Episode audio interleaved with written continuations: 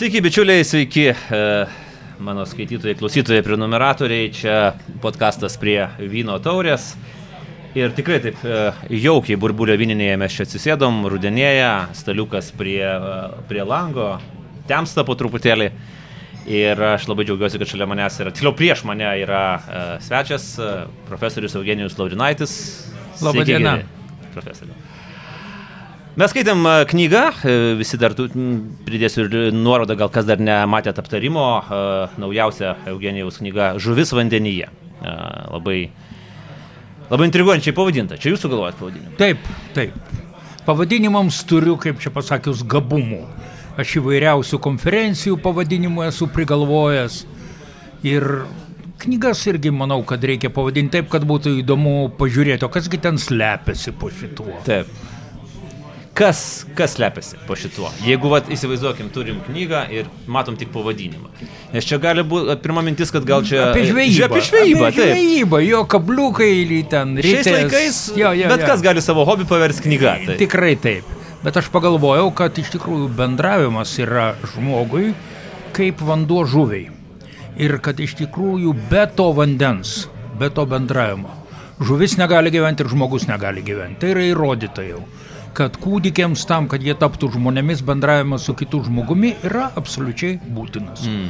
Maža to, net jeigu nėra jokio kito bendravimo, tai kategoriškai tragiškai veikia kūdikio sveikatą ir labai didelė jų dalis arba susirga to, kas yra vadinama hospitalizmu. Tai yra terminas dar 50 metais sukurtas garsaus amerikiečių vaikų psichoanalitiko Renė Spico, e, kai jisai tyrinėjo, kaip vaikučiai auga e, vaikų namuose, kurių po mhm. karo Amerikoje buvo pristeigta daugybė. Galima būtų klausti, kodėl? Dėl paprastos priežasties iš karo grįžo šimtai tūkstančių jaunų vyrų išsilgusių moterų ir jų laukia šimtai tūkstančių jaunų moterų neturėjusių savo vyrų. Ir jie linksminos, jie norėjo tiesiog pasilinksminti. Bet kaip suprantat, pasilinksminimai turi pašalinį produktą kartais. Kartais. Ir valstybė pagalvojo, kad šitie jauni žmonės dar visai nesiruošia vesti, nesiruošia kurti šeimų, o tuos vaikučius reikia auginti. Ir jie įsteigė tikrai daug vaikų namų, bet mhm. tuose vaikų namuose buvo viskas išskyrus vieną, patį brangiausią tokių vaikų namų elementą - auklės. Jų trūko. Ir todėl tie vaikučiai būdavo maitinami, suguldyti į lovites ir auklė eidavo su dviem buteliukais ir maitindavo juos iš eilės. Mhm. Ir kai Renės Picas nuvažiavo, jis pamatė, kad tie vaikučiai jau kada gali atsisėsti, jie sėdi lovelėse ir sviruoja. Ir tas viravimas reiškia, kad jų nerima nuraminti jie surado tik tai tokiais būdais. Nėra to, kas yra būtina kiekvienam kūdikiui, tai yra priglaudimas prie mamos, prie jos krūtinės, jos žvilgsnis, jos kažkoks tai vaikiškas čiulbėjimas su tuo kūdikiu, kas irgi pasirodo būtina, kad mes taisyklingai išmoktumėm kalbą. Tai šitą jis nufilmavo ir nuvežė į senatą ir parodė senatoriams ir paaiškino, ką tai reiškia. Ir iškart buvo išskirta dar pinigų ir buvo pasamdyta pakankamai auklių, kad maitinti jos galėtų paėmusios kiekvieną kūdikį ant rankų. Hmm. Tas pats buteliukas, tas pats čiulptukas, ta pati auklė, tik tai jin laiko vaiką prie savęs priglaudus, jin žiūri į jį, jin turbūt irgi kažkaip jam šypsos ir kalba ir hospitalizmas išnyko. Taigi mes kalbam apie tai, kad va, tas bendravimas nuo pat mūsų gimimo yra absoliučiai būtina mūsų egzistencijos sąlyga.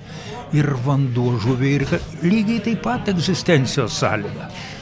Aš tai pasimėjau iš tos istorijos e, dar net kitokį moralą, Nes dabar pagalvoju, kad vis dėlto, kaip ir anksčiau, taip ir dabar politikams reikia šoko terapijos. Aha. Reikia šoko terapijos ir staiga paaiškėjo, kad visi sprendimai yra galimi, galima ir apsiginkluoti pasiruošti gynybai, galima vaikams pasamdyti, kūdikiam pasamdyti auklės, bet reikia šoko terapijos.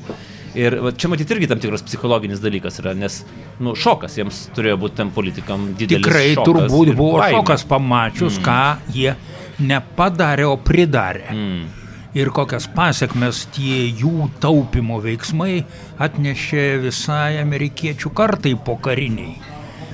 Ir šitie dalykai, na, iš tikrųjų, aš galvoju, yra kaip pavyzdys, kaip išjudinti politikus, kaip jiems duoti supratimą, ką jie iš tikrųjų daro.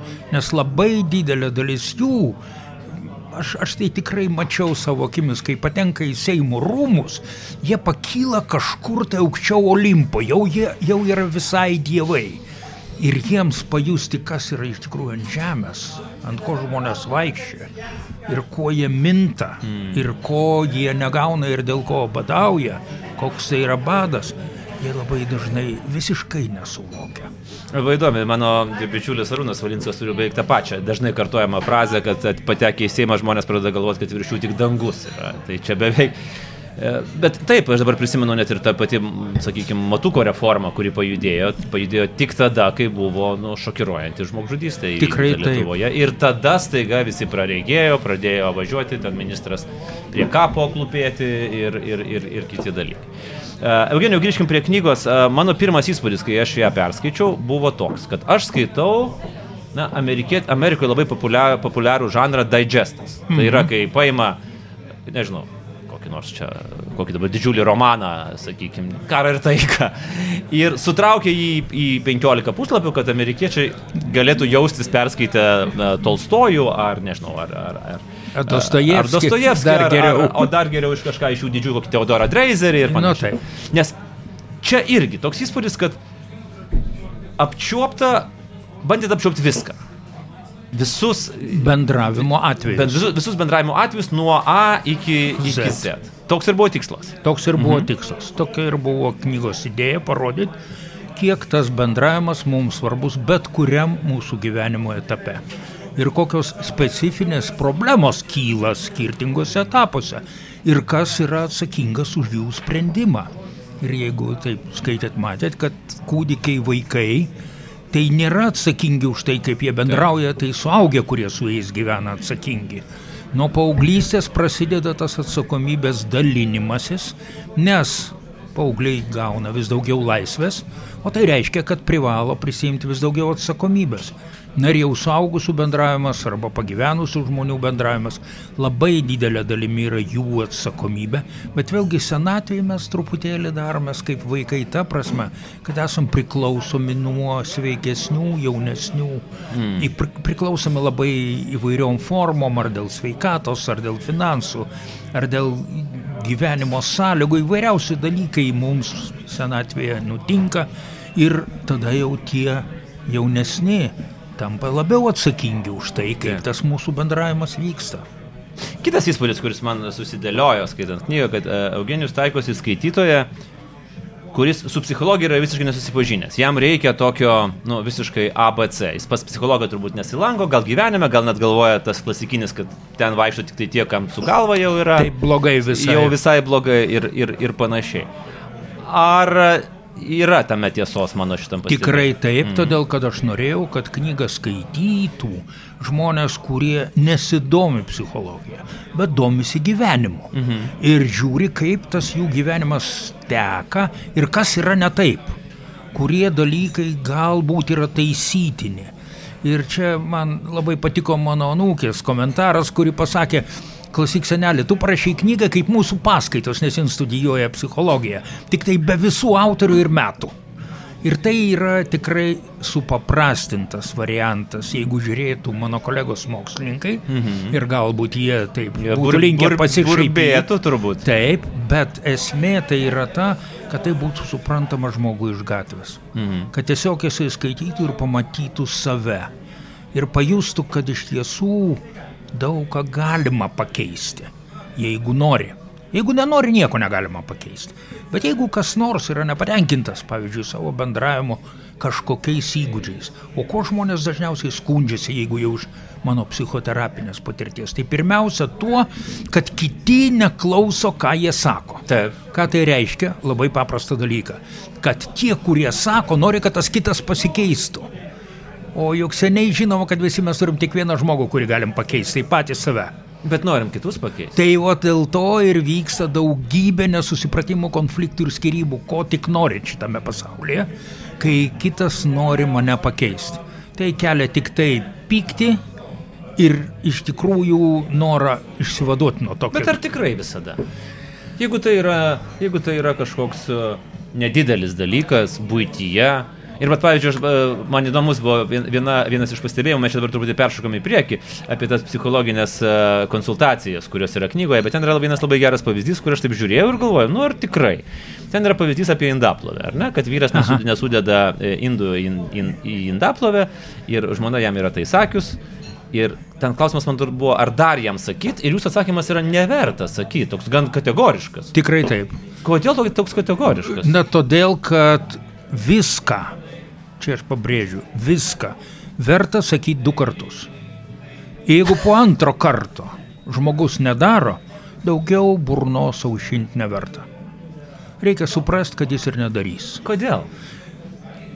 Nežinau, kodėl aš į šitai atsakyti jums negaliu, bet grinai stebėjimai gyvenimo empiriniai rodo, kad iš tikrųjų trečio šanso duoti neverta.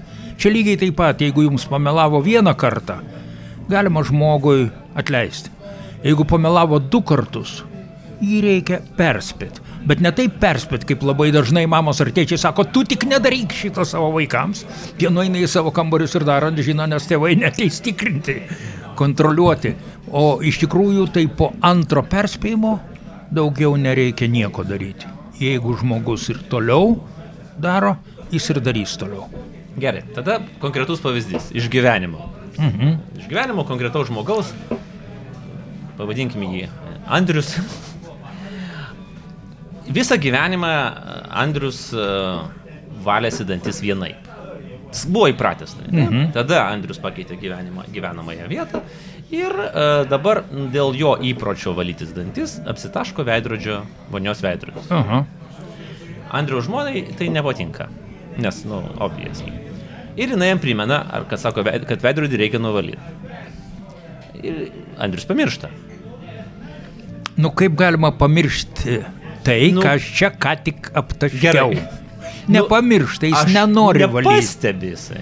Nu, tik tai nereikia pasakoti, jis ką aklas, ar jisai kažkur tai... Ten nėra, ne, ten nėra taip, kad visas veidrodis baisiai. Nu, bet užtenka to, kad yra poro taškelio Andrius... ant veidrodžio matosi. Jo, bet Andrius galvoja apie, apie reikalus, apie dieną, jisai kažkur jau iš ten iš... Jau nebėra jo čia dantų valančio, jo? Taip.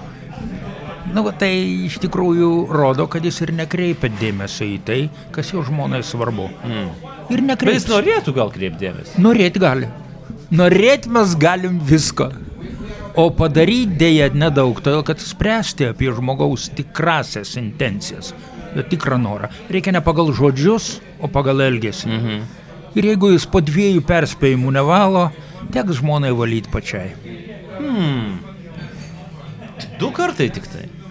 Bet yra visokios kitokios mechanikos. Yra mechanikos, kur, e, pavyzdžiui, pasakymo būdas, kuris yra veiksmingesnis. Ta, kuris, tarkim, nepasakymas, o čia aš esu skaitęs, kad mane labai nudžiugintų jeigu aš raščiau švarą. Oi, čia tokios amerikoniškos manipulacijos, aš žinau jas. Ne, ne, ne. Neveikia jos? Ne, ne, ne. Čia, ne, ne. Pas mus neveikia. Pas mus neveikia. Pas Galbūt amerikonus veikia. Aha. Ten, pavyzdžiui, yra ir tokie, toks receptas, kaip pasakyti, kad žmogus tikrai atsimintų. Taip. Tai kiekvieną dalyką jie siūlo sakyti tris kartus. Pasakyti, kad aš dabar tą sakysiu. Aha. Dabar aš tau tą sakau. Ir tu atsimink, kad aš tau tą pasakiau. Sakiau. Bet iš tikrųjų yra žymiai paprastesnis dalykas, kad žmogus atsimintų tai, ką jūs jam pasakėte ir nereikia jokių trijų kartų. Tiesiog po pirmo karto paprašyti jo garsiai pasakyti man, ką aš jam pasakiau.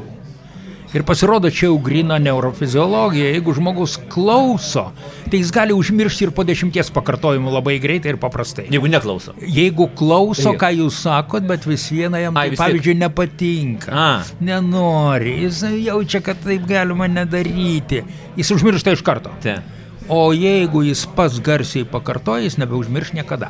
Ir todėl, kai jūs paprašot, pavyzdžiui, kad jis pakartotų garsiai, didelė dalis labai supyks, nes jie gerai žino, kad nebegalės pamiršti. Kokia įdomi technika. Taip, tai čia galbūt ir ta dviejų kartų gal ir pakaktų. Bet... Vieno karto turi pakakti. Vieno. Tik kad su pakartojimu. Bet jeigu yra, bet vėlgi yra du kartai prieš 30 metų įprotį, nu 15 metų įprotį. Nu jis yra galingas dalykas. Čia, aš kalbu dabar bendrai. Mes turim lietuvišką patarlę pripratimas, antras prigimimas. Taip. Taigi prigimti pakeisti yra nepaprastai sunku, lygiai taip pat įprotį pakeisti yra nepaprastai sunku. Hmm. Dabar aš galvoju, kiek vat, ši knyga turi naudos, jeigu apie dalykus, apie kuriuos yra parašytos ištisos knygos. Ten yra pasakomas vienas, vienas sakinys arba pusė puslapio. Na, tarkim, pavyzdžiui, perdėgymo sindromas. Mes Aha. apie jį pakalbėsim šiek tiek vėliau, bet specialiai suskaičiavau, uh, nepilnas puslapis. Ką... Nu, nes knyga neskirta šitam. Va, aš atgalvoju, o bet ką tada? Uh... Tai yra signalas atkreipti dėmesį į savo būseną. Mhm. Ir ten yra surašyta, kas turėtų tapti alarmo signalu man, jog aš jau einu šituo keliu. O jeigu aš einu šituo keliu, tai reikia suprasti kitą dalyką, kad perdegimo sindromas nėra šiaip savo išsigalvojimas, kažkoks tai prabangos dalykas ar dar kas nors. Dabar tai jau yra pripažinta, kad tai yra psichikos sutrikimas susijęs su darbinė veikla. Mm. Ir lygiai taip pat, kaip niekam nerekomenduočiau operuoti savo apendicito, taip nerekomenduočiau niekam pačiam gydyti savo perdegimo sindromo. Tai yra profesionalų darbas pervargimas, nuovargis, dar dar. Bet perdegimo sindromas yra daugiau negu tai. Sakau, e, norėsiu šiek tiek vėliau apie tai plačiau pažiūrėti, dabar tik apskritai klausiau dėl, dėl to, kad jeigu užkabina, bet knyga ir toliau nueina, ką tada daryti? E, Ieškoti kitų Ieškot knygų. kitur, kitų knygų yra puikiai knyga, e, išleista lietuvių kalba prancūzų autoriaus perdegimo sindromas, taip ir vadinasi, mhm. labai profesionaliai, labai gerai parašyta ir išversta labai teisingai. Taip, kad yra ką paskaityti arba lysti į internetą. Internete iš tikrųjų galima rasti daug patikimos informacijos. O va geras klausimas. E, psichologija yra, nu, subtilus dalykas. E, ir internetas yra grubus dalykas. Tai yra, ten galima rasti visko ir ten galima rasti tokių trijų minučių patarimų visiems nu, gyvenimo atvejams. Taip, taip, taip. Vaistų nuo depresijos. Vaistų nuo depresijos. Ten viską galima rasti. Ar nėra pernelik rizikinga sakyti, kad internete susirask informaciją, patikimą informaciją apie, apie psichologiją, apie psichoterapiją? Žinot, patikima informacija surandama pakankamai paprastai. Reikia žiūrėti mokslinių žurnalų straipsnius knygų neverta, jos didelės yra, bet jos tikrai perskaitomos tik profesionalams, ta prasme, kad tik jie turi atkaklumo sėdėti ir skaityti tiek, o va straipsnių galima surasti labai nesunkiai. Nu, bet kas eis profesorių mokslinių straipsnių skaityti internete? Bet aš turiu minėti tie žmonės, kurie aš nesidomėjo. Suprantu, kurie nesidomėjo ir nesidomi. Oksfordo, Oksfordo tai tegul pasiklauso kokiu nors tikrai protingai atrodančių blogerių, okay. kurie kalba apie tai pakankamai profesionalią kalbą ir aiškina, kad iš tikrųjų tai yra dalykas, su kuriuo reikia labai rimtai elgtis. Mm. O kurie tik pradeda aiškinti, Hebra, aš jums toj padėsiu, va dabar viens, du, trys, truputį pašoksim, o dabar truputėlį pakvepuosim ir jūs jau išėjot. Tai čia yra blefas, be jokios abejonės. Bet suprantat, kokia yra bėda, kad žmonių kritinis mąstymas yra labai irgi sudėtingas dalykas ir mokėjimas įvertinti, kas sako rimtus dalykus, o kas sako nesąmonės nėra paprastas, nėra lengvas. Ką daryti? Taip yra. Aš manau, kad jis ir mažėjantis, maž, mažėjantį linksmę keliaujantis. Žinot, nesu taip tikras. Kodėl? Todėl, kad pas mane ateinančių pacientų tarpe, o aš jau dirbu psichoterapeutu su Dievo pagalba 48 metai. Mhm. Tai tų pacientų, kurie ateina, išprusimas yra dabar žymiai didesnis negu prieš 15-20 metų. Žymiai didesnis žmonės būna pasiskaitę, žmonės cituoja kažkokius nerimtus straipsnius arba e, postus, bet su šypsena, jau su tam tikru kritišku matymu. Bet jūs kalbat apie labai, labai, labai, labai mažą imti nuo Žinokit, nelabai, ne? todėl, kad Lietuvoje psichoterapeutų šiuo metu yra virš 300. Jų yra per mažai. Bet jų yra per mažai, bet žiūrint į mažiau nei 3 milijonų tautą, tai jų yra ne taip mažai kaip labai daugelį kitų Europos šalių. Mhm. Ir noriu pasakyti, kad dabar visi esam užimti beveik be išeiginių. Žinau. Žmonių ateinančių yra labai daug. O tai rodo, kad vis dėlto žmonės suvokia, kad patys savo padėti jie jau nebegali. Tai yra reikia ieškoti profesionalų pagalbos. Ir aš galiu labai džiaugtis, nes aš šitą populiarinau ir, ir skatinau na, visus 47 darbo metus. O pasikeitė, nu, aš nebejoju, kad pasikeitė, aš gal neteisingai formuluoju klausimą, tiksliau, kaip pasikeitė požiūris, kuris buvo, na, prie ruso. Dabar aš suskaičiavau tas Suprantu. metus jūsų prie ruso. Jo, tai pradėkim nuo to, kad tikrai tada žmonės eidami pas psichoterapeutą, pabrėžiu būtent, ne pas psichiatrą, psichologų tada dar buvo labai mažai, bet pas psichoterapeutą iš tikrųjų pripažindavo savo, kad jie yra sutrikę, kad jie jau turi lygą. Mhm. Labai neretai jie ateidavo jau išvadinti savo artimųjų ir draugų visokiais psichais ir taip toliau. Dabar žmonės ateina suvokdami, kad jie ateina spręsti problemų. Ir tai yra visiškai universalu tiek sveikam, tiek sutrikusiam, todėl, kad iš tikrųjų visas mūsų gyvenimas yra sprendimų prieimimas.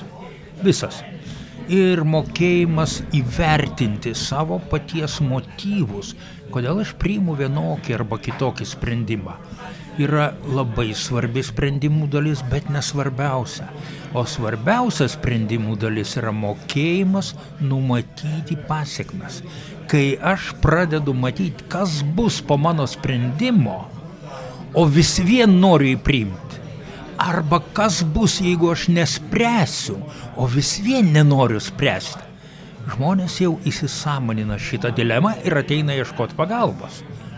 Kada buvo toks, nu, angliškas žodis yra spike, tai yra toks ryškus kilimas į viršų, būtent e, susidomėjusių ir norinčių. E, tai lankytis. įvyko maždaug prieš 6-7 metus. Tai pakankamai neseniai. Pakankamai neseniai iš tikrųjų didelę įtaką turėjo, kaip bebūtų keista, amerikoniškas serialas Sopranai. Kuriame mafijozų šefas guli ant psichoanalitikės kušetės. Niekada nepatikėčiau. Ta prasme, tikrai taip log... turėjo ir pradėjo eiti kiti vyrukai kurie turi panikos priepolius, kurie turi visokios psichosomatinius susirgymus. Ir pradėjo suprasti, kad apskritai ieškoti pagalbos net ir kietam vyrukui gal negėda. Toliau. Bet tada ką reikėjo? Reikėjo daryti atskirius įėjimus, kad jie pamatytų jų, nes truputį gėda prieš... Ne? ne, visi ir taip ateina po vieną pas mus ir tarp pacientų yra 15-10 minučių pertrauką. Na, iš tikrųjų, taip, aš lankausi kaip pas psichologiją, aš nekartą nemačiau kito žmogaus. Taip, tai atrodo, taip, taip, teisingai. Bet jeigu pažiūrėti į tolimesnį to pakilimo, reiškia, procesą, tai antra dalis buvo susijusi su tuo, kad įvairios Lietuvos garsenybės taip vadinami influenceriai ir visokie kitokie, irgi pradėjo vaikščioti iškodami pagalbos. Ir kalbėti pradėjo. Ir pradėjo apie tai viešai kalbėti. Mhm. Ir tai irgi nuėmė tam tikrą stigmą nuo psichoterapijos. Tai dabar atrodo, kad yra didžiulė paklausa psichologams, psichoterapeutams. Tikrai taip, ar aš turiu eilę pusiai metų. Ar yra į tai reaguoja rinka? Tai yra, ar akademija gali, tiksliau, ar akademija reaguoja į rinką, ar, ar gali paruošti jau Na, pradėkime nuo to, galinčių ateiti dirbti kad į, į, į rinką. aukštosios mokyklos psichoterapeutų neruošia. Tai yra po diplominio ruošimo reikalas.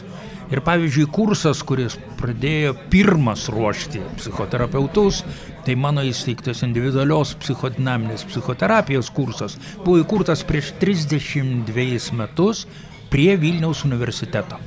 Ir jis toliau taip ir veikia.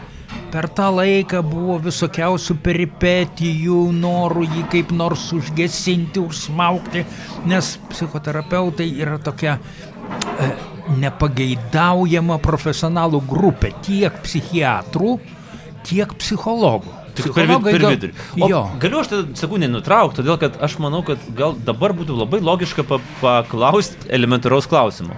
O tai kuo skiriasi? Kuo Pradėkim skiriasi nuo to, psichologas, psichoterapeutas? Psichologas mokosi maksimum šešeris metus, mhm.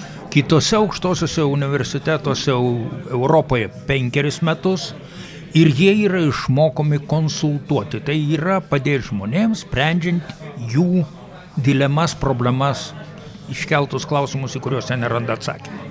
Psichiatras yra gydytojas, kuris mokosi dabar 10 metų. Mhm. Šešeris metus iki diplomo ir paskui dar rezidentūra, tai yra specialybės mokymasis ketveri metai.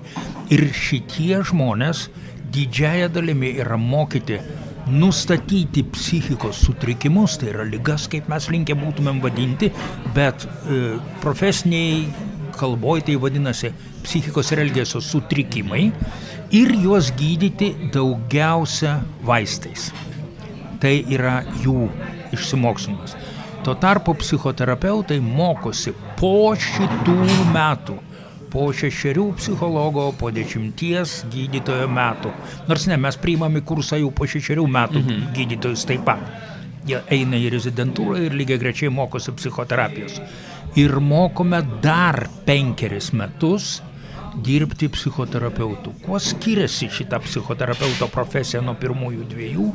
Tuo, kad jinai turi tris pagrindinius bet kurios profesijos sudėtinius komponentus.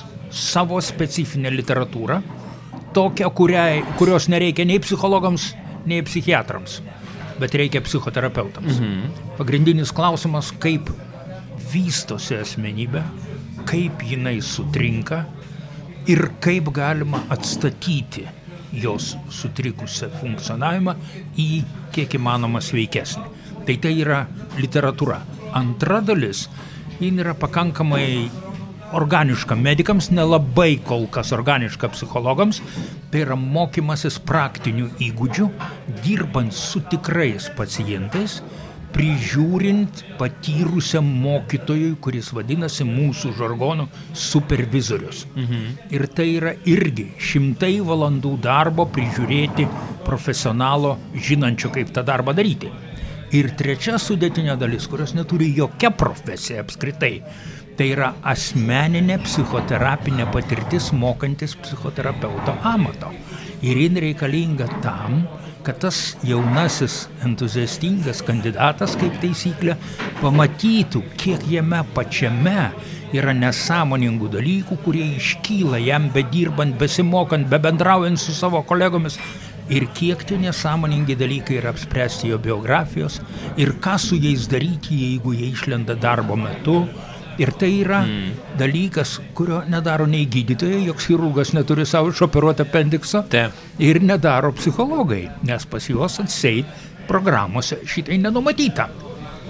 Ir todėl psichoterapeutai yra atskira profesionalų grupė, kuri įsiterpia tarp psichologų Mhm. ir psichiatrų ir kuri turi savo kontingentą, savo pacientus arba klientus.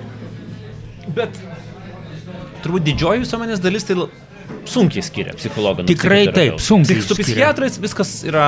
Su psichiatrais aiškiau, jo. Taip. Nors ir iš tikrųjų būna labai įdomių dalykų, kai man atėję pacientai sako, aš buvau poliklinikoje pas psichologą, jis išrašė man vaistų. Mm. Nusakau, psichologas šiaip jau vaistų negali išrašyti. Gal neperskaitėt, kaip buvo parašyta ant daktaro durų. Jis tikrai turi būti gydytojas, psichiatras, kad galėtų išrašyti vaistus psichikos sutrikimams gydyti. Dar kalbant apie profesijas, Eugenijau, dabar vis tiek yra na, labai madinga ir, ir, ir suprantu, kodėl tai yra madinga uh, ieškoti savęs kitose profesijose. Tai aš jau kalbu subrend, apie subrendusius žmonės, ne apie studentus. ne? Persiprofiliavimas, įėjimas Tikrai taip. kito Tikrai taip. ir ten, kas į IT nori eiti ir sakyti, kas, ten dabar su dirbtiniu intelektu. O pavyzdžiui, vat aš dabar sugalvoju, noriu būti psichologu. Tai jeigu norit būti psichologas, reikia eiti į, į universitetą ir ten baigti psichologijos kursą. Jeigu norit tapti psichoterapeutu, tai Europos psichoterapijos asociacija labai aiškiai apibrėžia, kad paprastai kandidatai turi būti baigę, ir čia aš pasakysiu angliškai, paskui pabandysiu išversti lietuvių kalbą, Human and Social Sciences. Mhm. Tai social sciences, socialiniai mokslai yra pakankamai suprantama, kad čia yra e, pedagogika, teologija, socialinis darbas, sociologija. Tuo tarpu, kai kalbam apie human sciences, tai yra mokslai apie žmogų, ne humanitariniai mokslai. Taip. Ir tai yra medicina, tai yra psichologija.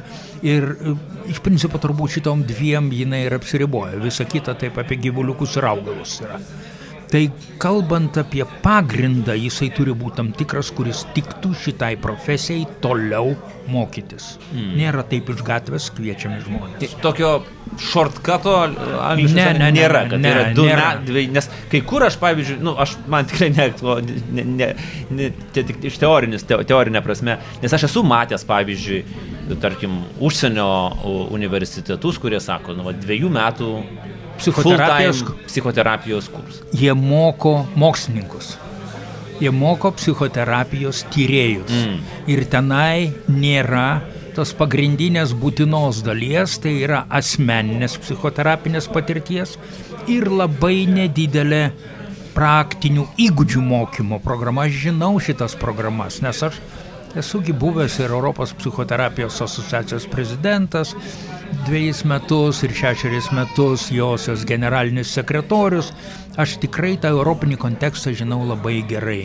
Ir noriu pasakyti, kad tikrai yra vis daugiau populiarėjančių tų dviejų metų psichoterapijos kursų, bet tie žmonės nėra psichoterapeutai.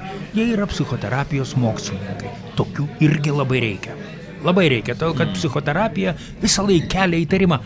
Ką jie čia daro, sėdi ir šneka, ir tai šneka labai mažai, o daugiausia klauso. Tik kas čia per darbas? Taip. Ką jie veikia? Ir psichoterapijos mokslininkai yra tam, kad parodytų, kad yra pirmiausia procesas, kuris vyksta tarp paciento ir psichoterapeuto ir kokie jame komponentai yra. Ką tik, nu ne ką tik jau prieš metus buvau Berlyne psichoanalizės institute konferencijoje, kuri nagrinėjo teksto analizę. Teksto analizė yra analizavimas pokalbio tarp paciento ir psichoterapeuto sekundžių tikslumu, sekundžių dalies tikslumu. Visi M, A, O, I, tyla, viskas yra suskaičiuojama. Iš trijų psichoterapijos sensų galima daktaro disertaciją parašyti. Nes viskas sudedama į skaičiukus, viskas labai įspūdinga. Bet labai kruopštu, čia reikia tokio iš tikrųjų kruopštuko, Taip. kuris vat, atsisėstų ir tos įrašus nagrinėtų. Tas researcheris vadinamas. Taip, tai kuriam yra tyrėjas. Tem turi tyrėjas, kuris patikt tas darbas. Kapstytis tarp, Taip. tarp skaičiukų, tarp raidelių, tarp e, Tikrai taip. ir panašiai. Tai Okay. šitie tyrėjai labai reikalingi, čia yra proceso tyrimas, o kita tyrimų dalis yra rezultatų tyrimas. Kokią psichoterapiją, kokius rezultatus, kokiem sutrikimam esant duoda. Bet ir tai yra irgi labai sudėtingas tyrimų laukas, todėl kad mesgi gydom ne sutrikimus, mes gydom žmonės. O kiekvienas iš mūsų esam kitoks. Kiekvienas turim savo istoriją, turim savo patirtį šeimoje, turim savo paauglystės patirtį, turim savo dabartinę patirtį. Galų gale negali neveikti mūsų šiuolaikinės būklės. Karas Ukrainoje, Taip. karas Izraelyje negali. Taip kad mes kalbam apie labai dinamišką objektą, žmogų, kurį gydom. Ir todėl sudėlioti lentynėlės pagal diagnozes neišeina. Mm. Tai sudėtingas tyrimas tų rezultatų, kuriuos psichoterapija duoda. Paminėjot Soprano serialą. Dar vienas serialas, kuris, kuriame psichologija vaidina tokį uh, svarbų vaidmenį. Uh, jis gal labiau specifinis, mažiau žinomas uh, Billions apie amerikiečių finansų kompaniją ir vieną iš esminių vaidmenų atlieka kompanijos psichologija. Ten yra labai turtingi žmonės, visi makleriai, visi šitie venture capital žmonės, spekuliantai ir ten antras žmogus kompanijoje yra realiai yra uh, psichologija. Ten jinai gauna nežmoniškus atlyginimus už tai, kad sutvarko visiems jų Bet tik tai su tokiu atlyginimu jį galėtų dirbti su tokiais turtingais žmonėmis. Va, bet mano mintis yra ir dėl ko? Dėl to, kad ir man pačiam tenka pabendrauti su tikrai žmonėm lietuviais, kurie yra labai turtingi. Ir aš sakyčiau taip, 90 procentų iš jų reikia labai rimtų psichologinių konsultacijų, Rimtai. nes jie yra nelaimingi. Žinau. Ir, ir va čia, o mes turim šitą nišą. Ar dar jinai nėra sukurta? Tai yra corporate psichologija. Tai yra tų, nu, aš nevadiniu VIP, jūs čia visi klientai yra VIP, bet tų, nu, itin turtingų ir itin nelaimingų žmonių psichologai, kurie turbūt, na, nu, jiems pasirodo keista, kad ta konsultacija gali ten kainuoti, nežinau, 70 ar 80 eurų, ar ne, jie nesupranta tokios, tokių pinigų. Jo, jo, jo, jie ir panašiai. nesupranta. Bet jeigu mes grįžtam prie to, ar yra Lietuvoje, yra Lietuvoje tam skirtų įstaigų. Pavyzdžiui, organizacijų vystimo centras. Mhm. Labai seniai įsteigta, nuo nepriklausomybės pradžios, tikrai labai profesionali įstaiga, dirbanti su organizacijomis. Tik tai problema ta, kad jie tikrai dirba su organizacijomis, o ne su atskirais tų organizacijų žmonėmis. Su atskirais organizacijų žmonėmis dirbančių yra labai nedaug. Mm. Tikrai nedaug. Niša? Viena Niša, iš tikrųjų niša, bet tam reikia būti baigus ir organizacinę psichologiją, ir klinikinę psichologiją, ir psichoterapiją. Mokytis prie diplomo dar aštuoneri metai. Tam, kad galėtum kalbėti su labai Kad turtingu galėtum žmogum. kalbėti su labai turtingu. Kodėl? žmogum. O kodėl? Todėl, kad iš tikrųjų jų skundose, jų problemose finansinės, ekonominės aplinkybės turi didžiulį įtaką. Ir jie dažnai apie tai šneka ir reikia tai suprasti. Organizacijos funkcionavimas labai dažnai turi didelį įtaką. Tai reikia suprasti. Ir jie be abejo turi savo asmenybę ir josios sutrikimus, ką irgi būtinai reikia Nu suprasti. taip, ten tas konkurencinis lygmuo pas juos yra Taip. užkeltas į Jo, jo, stratosferą. jo, jo, jo. Ir, ir, ir, ir man yra labai juokinga kartais, e, kai jie, tie žmonės, kurie, nu, jų ten nežinau, jų kostiumas turbūt kainuoja daugiau negu ten e, pusė mano turimų dalykų. Bet jie sako, kaip mes to pavydim, kad tu gali normaliai išsimiegoti. Ir aš galvoju, koks įdomus dalykas, reiškia, tu... tu Jie nemiega. Tu, tiek tau nedaug reikia, ar ne? Sako, Daug, labai daug. Miegas yra nepaprastai svarbus mūsų gyvenimo komponentas. Nes būtent per miegą juk mūsų smegenys sutvarko visą informaciją, kiek gavo per dieną. Ir jeigu jie miega mažai, jie tą informaciją sutvarko prastai. Mm. Ir tada priimami sprendimai sekančią dieną irgi yra neoptimalūs. Ir tai kaupėsi. Ir kaupėsi metų metais. Kai kurie iš jų, aš turiu panašių pacientų iš tikrųjų. Tai kai kurie iš jų vos nedidžiuodamėsi pradžioje sako, kad aš ne- netostogavau septynerius Aha, aš metus. šitą, šitą pastebėjau. Nu, briedas visiškas. Todėl, kad taisyklė Arba yra- paprasta. Gerai dirbti gali tik tas, kuris moka gerai ilsėtis. Taip. Tai atostogos yra reikalingos nuimti visų metų nuovargį ir pervargimą. Ir yra kiti žmonės, kurie, pavyzdžiui, pardavė savo verslus ir jie turi nuolatinės atostogas. Ir jie Taip. yra pametę visiškai kryptį ir ka, kas daugiau išgers. Čia toks yra e, tikslas.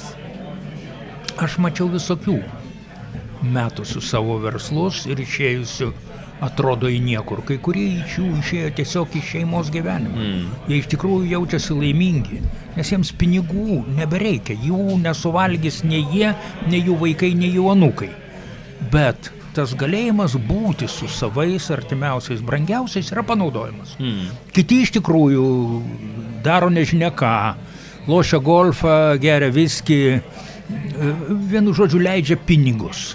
Kažkaip jūs reikia Kažkaip, kaip įmanoma, kaip jie galvoja, ištaigingiau. Mm. Bet tai yra bėda, tai irgi yra bėda.